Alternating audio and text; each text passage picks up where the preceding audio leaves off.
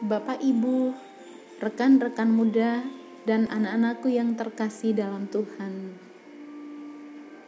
Marilah pada kesempatan yang penuh rahmat ini, kita merenungkan betapa besar kasih dan kebaikan Tuhan bagi kita. Pengampunanmu tidak pernah habis. Tuhan ketika Petrus muridmu ingin mengetahui siapakah yang akan mengkhianatimu, engkau menunjuk Yudas. Namun kemudian engkau menunjuk Petrus sendiri. Yudas mengkhianatimu. Petrus menyangkal engkau. Yudas menggantung diri, dan Petrus kau buat menjadi yang pertama di antara para rasul yang menjadi pengikutmu yang tulus.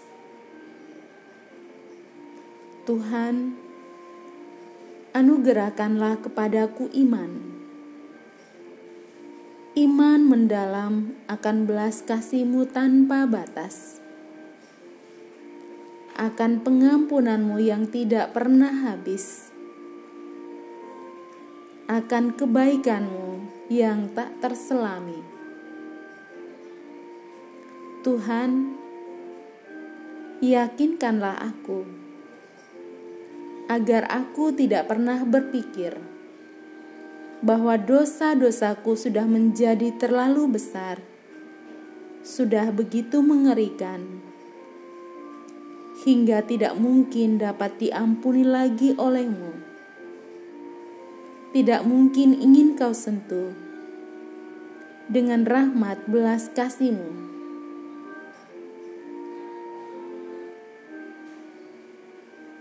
Tuhan, jangan kau biarkan aku lari semakin jauh darimu,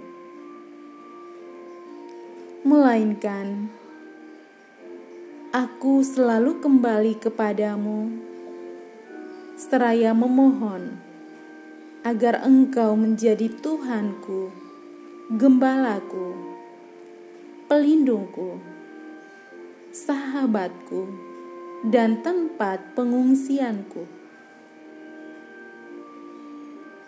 Lindungilah aku dengan sayapmu, dan biarlah aku yakin bahwa Engkau tidak pernah akan menolak aku. Selama aku tetap memohon pengampunanmu, mungkin justru keraguanku mengenai pengampunanmu adalah dosa yang lebih besar. Daripada dosa yang kuanggap mungkin terlalu besar untuk kau ampuni. Mungkin aku menganggap diriku terlalu penting atau terlalu hebat,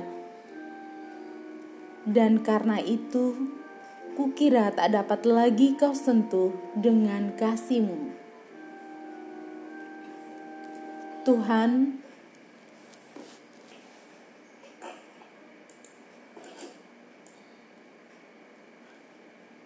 pandanglah aku terimalah doaku. Sebagaimana engkau dahulu menerima doa Petrus. Dan jangan biarkan aku lari dalam kegelapan hidupku seperti Yudas. Tuhan, berkatilah aku di hari-hari menjelang sengsara wafat dan kebangkitanmu.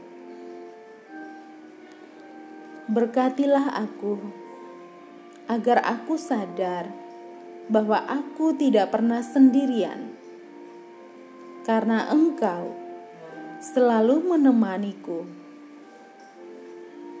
karena Engkau selalu ada untukku. Kasih Tuhanku.